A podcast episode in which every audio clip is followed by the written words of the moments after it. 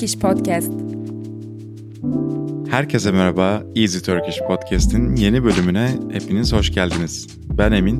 Bugün yine Cihat'la beraberiz. Nasılsın Cihat? İyiyim Emin, teşekkür ederim. Sen nasılsın? Ben de iyiyim ama sesin biraz yorgun geliyor. İyi misin gerçekten? Ya bir haftadır tatildeydim. Aslında böyle çok dinlenmiş olarak gelmeyi bekliyordum ama yol beni çok yordu. Dönüş yolu. Çok fazla dinlenemedim. O yüzden bugün dinlenmeye çalıştım birazcık. Ama aynı zamanda çalışıyordum da. Ya İstanbul hayatına tekrar uyum sağlamaya çalışıyorum. Ondan biraz aklım dolu ve vücudum yorgun diyebilirim.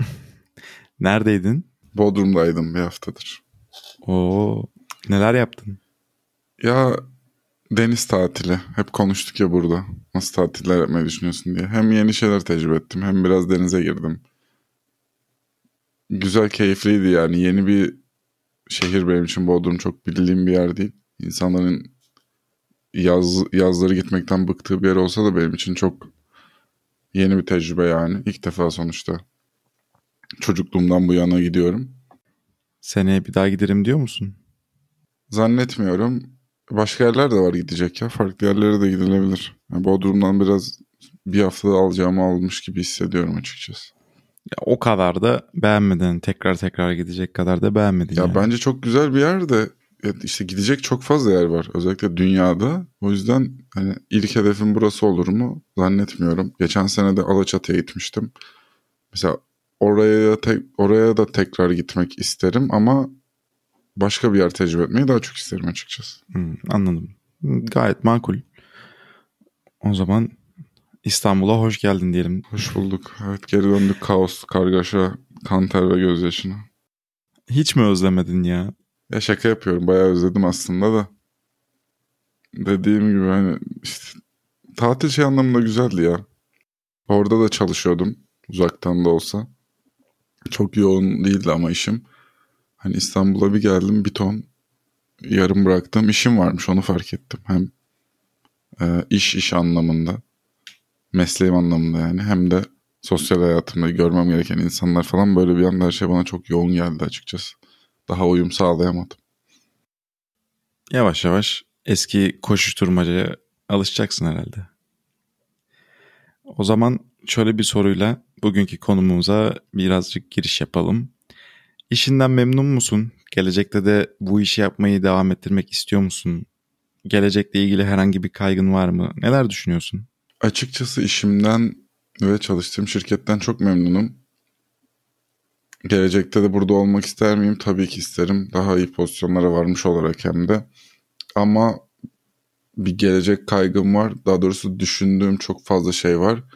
Bunun sebebi de biraz şu an Türkiye ekonomisinin bulunduğu konum. Hani işimi çok sevsem de e, şirketimden çok çok memnun olsam da burada yıllarımı geçirmeyi hayal etsem de şu an bizim yaş grubumuz için Türk ekonomisi çok çok korkunç bir durumda. Hani yeni çalışmaya başlayan genç yetişkinler için çok çok kötü bir durumda. Çünkü biz kazandığımız parayla ne ev ne araba belki ne bir yaz tatili ne başka bir şey planlayabilir hale doğru gidiyoruz. Bu sebepten ötürü kaygılıyım diyebilirim. Sen ne düşünüyorsun? Ben de en az herkes kadar kaygılıyım. Hatta bazen aşırı düşünceler içinde boğulup mevcut durumdan koptuğum bile oluyor. Ama bu başlarda gerçekten sadece sanki Türk gençliğinin problemi gibiydi. Ama sanki şu anda globalleşti gibi bu problem. Özellikle işte Rusya-Ukrayna savaşından sonra Avrupa'daki işte o gaz fiyatlarının artması, işte insanların bir ufaktan bir panik halinde olması, bu kış ne yapacağız diye. Şu an sanki dünya çapında bir kriz var gibi. Türkiye'deki tabii ki daha büyük. Ama sanki şu an küresel olarak bir çıkmazın içine girdik gibi. Yaşanan bu küresel olayların sonucu olarak da dünyada enflasyon arttı söylediğin gibi. Amerika'da, Avrupa'da da çok fazla enflasyon var. Onların normal yıllardır alışmış olduğu e, seyreden ekonomilerine göre yüksek bir enflasyon var. Ve bu tüm insanların hayatını etkiliyor ama ben bizim yaş grubumuzu özellikle vurguluyorum. Tüm dünyada böyledir belki gerçekten ama hani hayata yeni atılan, hayatta bir şeyler yapmak isteyen, dünya vatandaşı olmaya çalışan çünkü biz internette büyüyen atıyorum İngiltere'deki insanların nasıl bir hayat yaşadığını da İsveç'te de nasıl bir hayat olduğuna da Afrika'da da neler olduğuna dair de fikir olan insanlarız. Hani bizim ufkumuz daha geniş diye düşünüyorum. Bizden önceki kuşaklara göre bulunduğumuz yaş içinde. Fakat elimiz kolumuz biraz bağlandı. Hani yurt dışına çıkmayı çok seven biri olduğunu hep konuşuyoruz bu podcast'ta da. Ne kadar seyahat etmeyi sevdiğini. Belki eskiden 10 kere düşünüyorsan yurt dışı tatili planlarken şimdi bin kere düşünüyorsundur en basitinden. Evet maalesef. Yani hem çok masraflı bir şey olmaya başladı artık. Hem de gidiş zorlukları da var. Yani hem işte atıyorum bir pandemi çıktı mesela ortaya hiç kimse bir yere kıpırdayamadı. Ondan sonra vize almak mesela gitgide zorlaşan bir durum haline geldi derken insan şey düşünüyor. Yani ben bunların hiçbirisinin sorumlusu değilim ama bunların cezasını neden ben çekiyorum? Abi dedin ki bunun sorumlusu neden biziz? Ne şimdi sermaye sahiplerinin küresel güçleri mi eleştirmem gerek? ne diyebilirim ki zaten? Çalışan ki working people, working class böyle olacak yani. Birinci Dünya Savaşı'nda da böyleydi. İkinci Dünya Savaşı'nda da böyleydi. Şimdi böyle. Yani sence bu zincir bir yerde kırılacak mı? Ya zannetmiyorum. Ben gidişatın sonunda bir zincirin kırılacağını düşünmüyorum. Ha şöyle bir düşüncem var ama yeni jenerasyon bizden sonraki kuşaktan da bahsediyorum. İşte Z kuşağı ve unicorn diyorlar galiba. Artık isimlerini takip edemiyorum. Ya onların talepleri daha farklı olacaktır. Ve bu talepleri yerine getirmek için dünya uyum sağlayabilir diye düşünüyorum. Yani hani ne anlatmak istiyorum? Mesela işte kapitalizm denen şeyin böyle bir ideoloji olarak korkunç bir şey olduğunu ve insanları sömürdüğünü düşünüyoruz ya. Bizim kulağımız öyle çınlıyor günün sonunda. Ama insanlar neyi talep ederse ona doğru da evrimleşebilen bir şey bu. Şunun gibi işte kapitalizm doğayı katlediyor. Kapitalizm yüzünden doğanın sonu gelecek. Bu doğru. Şu ana dek sanayileşme oldu. İşte benzinler, işte nehirlerin kirlenmesi, okyanusların kirlenmesi, çöp sayısının artması, karbon ayak izinin tavan yapması bunların hepsi okey. Ama insanlar mesela daha çevreci ürünleri talep ettikçe ve çevre üzerine daha çok tartışma döndükçe bu konudaki bilinç arttıkça bu sefer de elektrikli arabalar işte doğaya sahip çıkalım, çevreci olalım akımları başlıyor. Kapitalizm ona göre şekil değiştiriyor. Ama sanki çok yavaş ilerlemiyor mu ya? E çok yavaş ilerliyor çünkü sermaye sahipleri çok basit bir şekilde mesela özel jetleriyle 5 dakikalık uçuşlar yapıyorlar. Sonra sen şunu düşünüyorsun kendi kendine. Ben plastik pipet kullanıyorum, kullanmıyorum işte. şunu yapıyorum, bunu yapıyorum. Her şeye dikkat ettik. Hani çevreyi koruduk. Greta işte Birleşmiş Milletler'e konuşma yaptı. Süpersin devam falan bunları savunuyoruz. Sonra elinde güç bulunanların bunu yapmadığını fark ediyoruz. O zaman evet, nasıl hızlı ilerleyebiliriz ki gerçekten? İşte mesela Formula 1 sürücülerinin çevre hakkında manidar söylemleri gibi. Evet, dün, dün önceki gün Fetel galiba bir şey söylemiş onu gördüm. Formula E çok saçma falan demiş. Zaten fix düzenli olarak yani açıklama yapıyorlar. Ama bir yandan da e, yani ne kadar çevreyi kirlettikleri de ortada. Hemen izliyorum bu arada Formula 1 izlemiyorum değil ama sadece biraz sanki bu tarz söylemler bana çok iki yüzlü gibi geliyor. Ya böyle denebilir ama dediğim gibi insanlar gerçekten büyük bir topluluk bir şey talep ederse ve o noktada değişiklik isterse olabilir inancım da var. Bir şeyleri düzeltebiliriz ama işte bu çok farazi bir söylem. Emin değilim. Ya bir de şimdi şöyle bir durum var. Karşıda bir muhatap yok. Yani bu düzenin değişmesi için, bu tarz şeylerin kırılması için. Yani toplumun çok ciddi bir kesiminin bu değişimi sağlamış olması gerekiyor ki bir şeyler değişsin. Sanki bu da çok bana böyle bazen mümkün değilmiş gibi geliyor. Ya aynı sebepten bu gelecek kaygısı dediğimiz şey yaşamıyor muyuz zaten? Yani be, beyhude bir çaba. Hani ben uğraşacağım bu hayatta bir şeyler yapmak için de gerçekten yapabilecek miyim? Benim en büyük düşüncelerimden biri bu. Ya ben olabileceğim en yüksek yere varsam, potansiyelimin sonuna ulaşsam yani.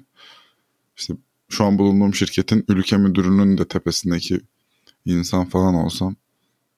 Yine ben bu garip sisteme 105 bin farklı anlamda yenilmiş olacağım büyük ihtimalle. Ve bunu yaparken çok büyük bir stresle yaşayacağım her zaman. Evet hem bir kaygı yaşayacaksın hem hiçbir zaman emeğinin karşılığını tam manasını alamayacaksın. Sonuçta sen bir yerde hayatını feda ediyor olmuş olacaksın bu durum için.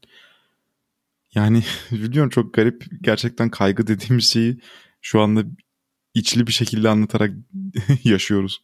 evet bizim e, lanetimiz diyeyim şu an Türkiye'de bulunan genç yetişkinler olarak şöyle bir durum.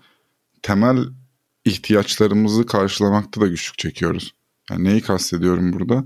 Hani barınma işte yemek yeme e, güvende hissetme belki bunları e, minimum standartlarda sağlayabiliyoruz okey. Fakat şimdi biz hayatımız boyunca daha fazlasını arzuladık. En azından bizim sosyo-kültürel ve sosyoekonomik çevremiz öyleydi öyle söyleyeyim.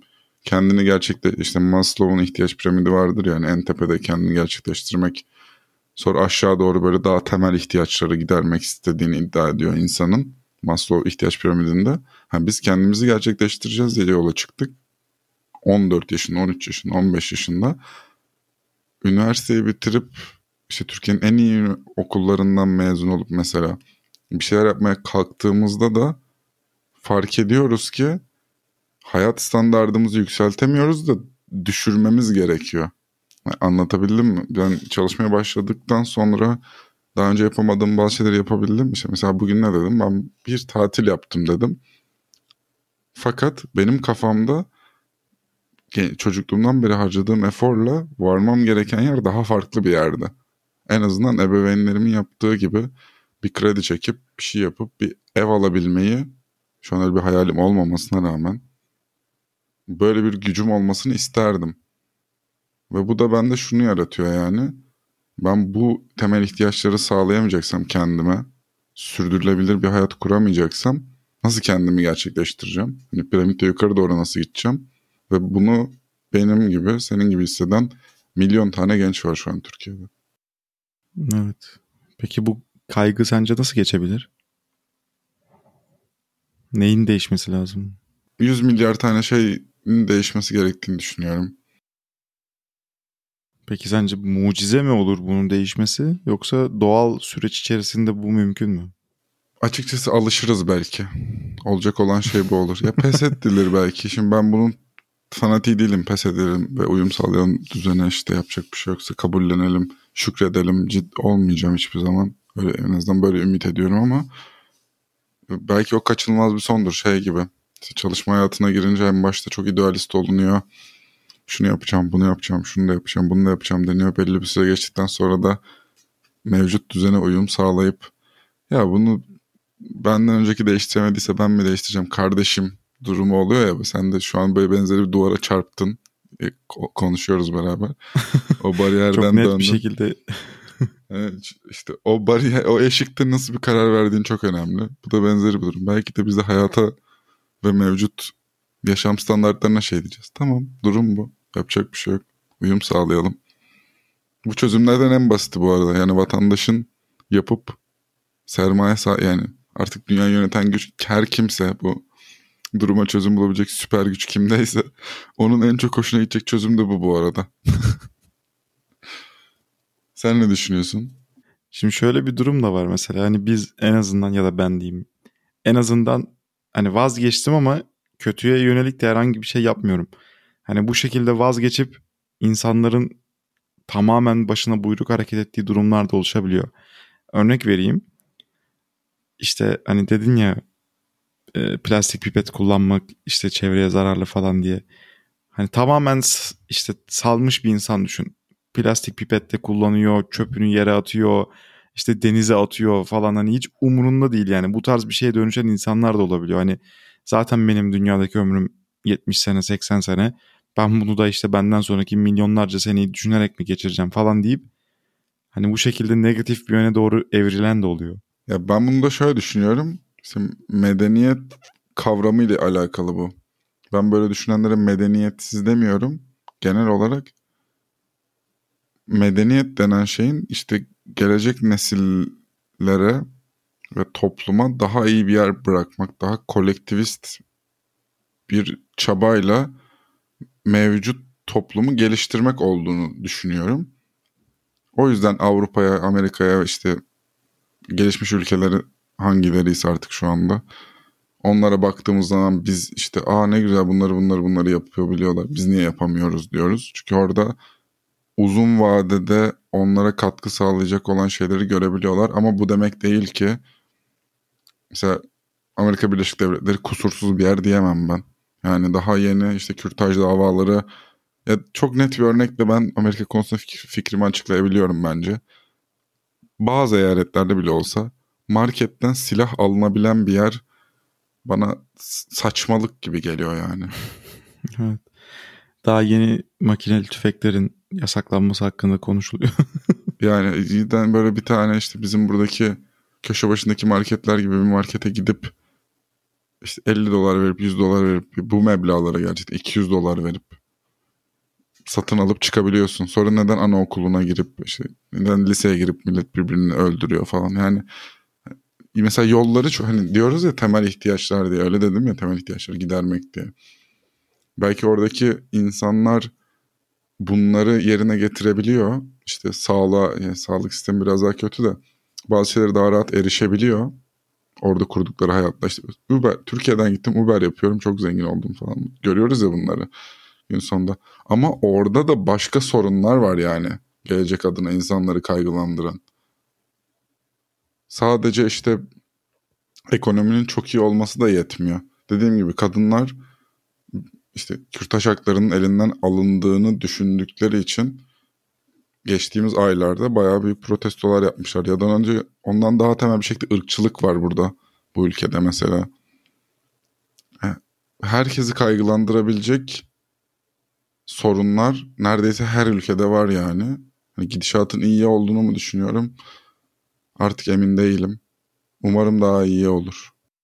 Peki sence yöneticiler bu durumun farkında değiller mi? Yani neden buna bunu düzeltecek önlemler almıyorlar? Şimdi şöyle bir beyin fırtınası yapabiliriz bence beraber.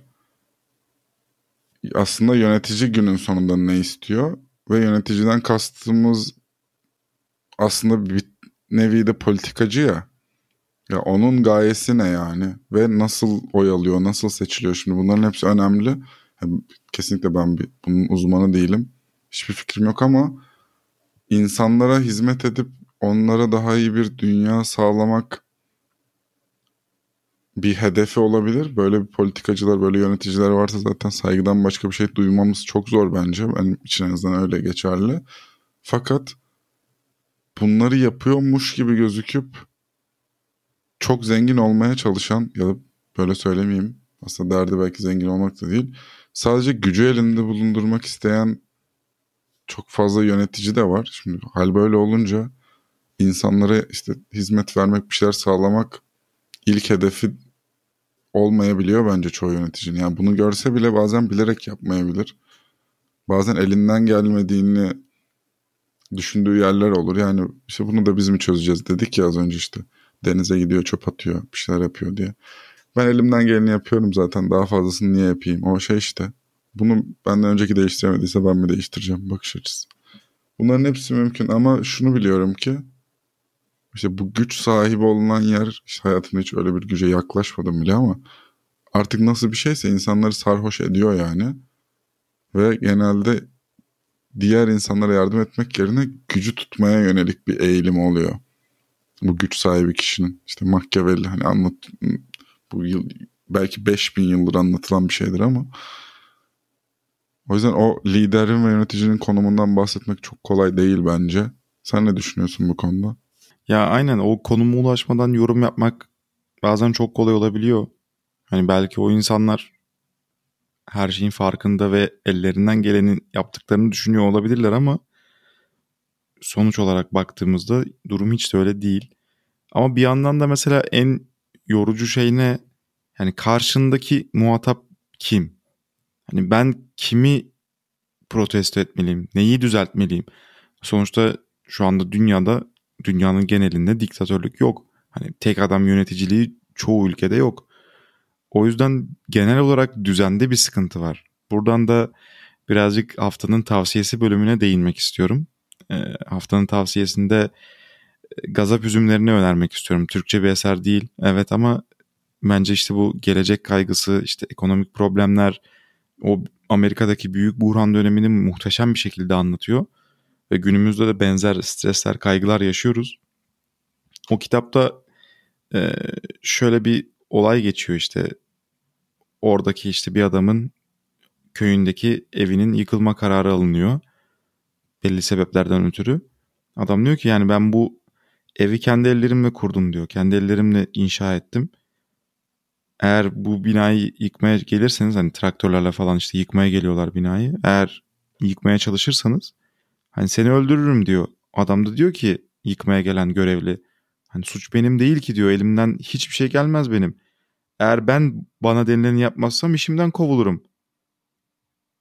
Ayrıca sen beni öldürsen bile onlar da gelir seni öldürür ve bu işi yapması için başka birisi görevlendirilir. Yani sen beni öldürmekte eline bir şey geçmez diyor. Adam da diyor ki yani o zaman kimi kime gitmeliyim ben diyor. Kim verdi bu emri sana diyor. O da diyor ki e, bu emir bankadan geliyor. Tamam diyor işte bankaya gidiyor mesela. Bankada da diyor tamam diyor bankanın bir başkanı vardır bir yöneticisi vardır diyor. Gidiyor bankaya tüfeğini doldurup ondan sonra diyor ki bankaya gittiğinde de ya işte bu emri niye aldınız? Niye benim işte yerime göz diktiniz gibisinden. Orada da diyorlar ki bize de bu emri doğudan geldi diyor. İşte doğudaki bir eyaletten geldi diyor. Gelen emirlerde işte ya kar edersiniz ya da sizi kapatırız deniyormuş. Adam da diyor ki yani bunun sonu neresi diyor. Kimi vuracağım ben diyor. Hani beni açlıktan öldürmek isteyen herifi gebertmeden ölmek istemiyorum şeklinde bir cümle telaffuz ediyor. Ondan sonra adam da diyor ki onu diyor bilemem diyor. Belki de vuracağın kimse yoktur. Belki insan değil bunun suçlusu. Belki de dediğin gibi toprağın, mülkün kendisi yaratıyor bu dertleri. Yani düşünülecek çok şey var aslında bunun üzerine. Medeniyet dedim ya mesela işte medeniyet kavramı ne işte geleceğe gitmeye çalışan şey insanları kümülatif olarak çalışıp bir gelecek oluşturmaya çalıştığı şey falan olarak tanımladım. Şimdi anlattığın anekdot işte kitaptaki olay da biraz bununla alakalı. Ama benimki olumlu bakış açısıydı. Bu da olumsuz olan bakış açısı zaten. Yani medenileştikçe de sorun bu oluyor. Aslında senin bir muhatabın yok. Her şey için sisteme güvenmen gerekiyor. Sistemin neresindeki neyi kendine muhatap alacağını da eğer seninle tertemiz bir iletişim kurmuyorlarsa asla bulamayabiliyorsun. Buradaki durum da bir benzer yani. Ben şöyle bir son bekliyordum bu anekdotun sonunda yani. bunun sebebi sensin. Mesela buna çıkıyor çünkü aslında. Mağdur olan kişi mi? Evet ya mağdur olanın kendisi değil de insan yani senin gibi biri. He yani ya adam da diyor ki zaten hani bunu durdurmanın diyor bir yolu olmalı. Yani deprem değil, yıldırım değil bu. Hani insanın başının altından çıkan kötü bir durum var. Elbette de bir çaresi olma, olması lazım diyor. Ama yok. İşte dediği gibi mesela o yıkmaya gelen adamı işte öldürse yerine başka birisi gelecek. Onu yine öldürse atıyorum. Yani hoş bir örnek değil tabii ki bu ama hani bu işin sonu yok. Mesela işte politikacı kötü kararlar alıyor. Değiştirdin onu. Ondan sonra geçecek kişi de kötü kararlar alıyor. Yani bu sistemde mi bir yanlışlık var yoksa bu böyle gelecek ve biz de sürekli olarak bundan şikayetçi olacak bir yaşam içerisinde yaşamaya mecbur muyuz? Bilmiyorum ben böyle bazen düşündükçe işin içinden çıkamıyorum. Bugün de çıkamadım. Çünkü işin içinden çıkamamamız çok normal. Çünkü bu çok uzun bir süredir Platon'dan beri konuşulan bir konu yani. Bir devlet, bir topluluk nasıl yönetilir? Ya doğrusu bulundu, evet doğrusu bulunduğu düşünüldüğünde bile bir milyon tane farklı varyasyonda daha doğrusunun olduğu tartışılıyor. Üstelik biz çoğu ülke için söylüyorum bunu. Demokrasi adı verilen bir sistemle yönetiliyoruz ama bunu yani gerçekten demokrasiyi sağlayacak en temel şey olan eğitim ve ileri doğru gidiş konusunda problemlerimiz var. Dünya içinde bunu söyleyebiliriz. Türkiye içinde bunu söyleyebiliriz bence rahatlıkla. Biz demokrasi diyoruz. İnsanlar kendi liderlerini kendi yönetilmek istedikleri şekli her dünyadan taleplerini seçsin. Çoğunluk ne düşünüyorsa o olsun. Tamam çok güzel bir bakış açısı. Okey. Ama bu sefer de işte güç sahibi güce sahip olmaya devam edebilmek için insanların sorgulamalarını istemediği için onları aptallaştırmayı tercih edebiliyor. Şimdi yani bu birbirini besleyen bir yapı yani. Evet demokrasi çok iyi bir fikir. Değil mi? İnsanların istediklerini yaşaması gün sonu. Çoğunluk ne istiyorsa o olsun değil mi? Tüm 8 milyon insan toplanalım. 5'e 3 oluyorsa bir konuda %51'e %49 olduğunda evet %51 olan olsun mesela. Kağıt üstünde çok mantıklı duruyor. Ama ya %51'in doğru olduğunu düşünen taraf haksızsa yani aslında. Ha bunun bir ölçümü yok. Sorunumuz da bu bence. Yani bunun bir doğrusu yok. Şu yönetim biçimi doğrudur ya da bu işte şu yapılmalıdır, bu yapılmalıdır. Bu anlattığın tüm anekdot aidiyet ve mülk kavramıyla alakalı. Şimdi bu yıllardır tartışılan bir konu aslında. Şu bulunduğum evin bana ait olduğunu kim söylüyor aslında? Noterdeki bir yazı değil mi? Yani daha bu noktadayız. Yani geri doğru gidince buraya varıyorum diyorum ki yani ben mesela işte ben İngiltere'ye gitmek istiyorum diyelim. Ben bu dünyada doğdum büyüdüm. Hasbel kadar tesadüf eseri ve aynı kaderin etkisi bir şekilde benim tercih etmediğim bir şekilde ben bir Türkiye vatandaşıyım buradayım değil mi? Atıyorum yani şunu şu sebepten ötürü söylüyorum. Afrika'da da doğabilirdim. Kuzey Amerika'da da doğabilirdim. Güney Amerika'da da doğabilirdim. Hasbel karar dediğim o. Burada doğdum. Ben İngiltere'ye gitmeye çalıştığım zaman benden vizeler, uçak biletlerinin bilmem neleri, çalışma dökümleri bir ton belge talep ediyor. Şimdi ben de dünya vatandaşıyım. Aynı dünyada doğdum. Oradaki insanlarla. Ben oraya gidebilmek için diplomasi adı verilen ve bürokrasi adı verilen sınırları aşmak zorundayım. Niye? Birileri o çizginin orada, oranın adına Birleşmiş şey Birleşik Krallık demiş. Ben istemedim ki böyle denmesini. ben neden oraya gidemiyorum? Niye İzlanda'ya gidemiyorum kafama estiğinde? Niye benim yerime karar veriliyor? Mesela evet hani ben çıkarmadım ki o savaşları.